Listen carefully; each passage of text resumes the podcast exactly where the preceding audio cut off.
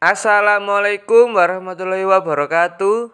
Saya Wahyu Surya Pradana, kelas HPIC.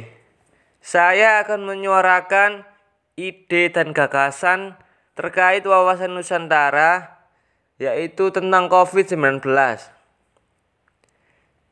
Kita sebagai manusia dalam menghadapi masa pandemi COVID-19 ini yang semakin merajalela di Indonesia Bahkan sudah banyak korban yang terkena dampak COVID-19.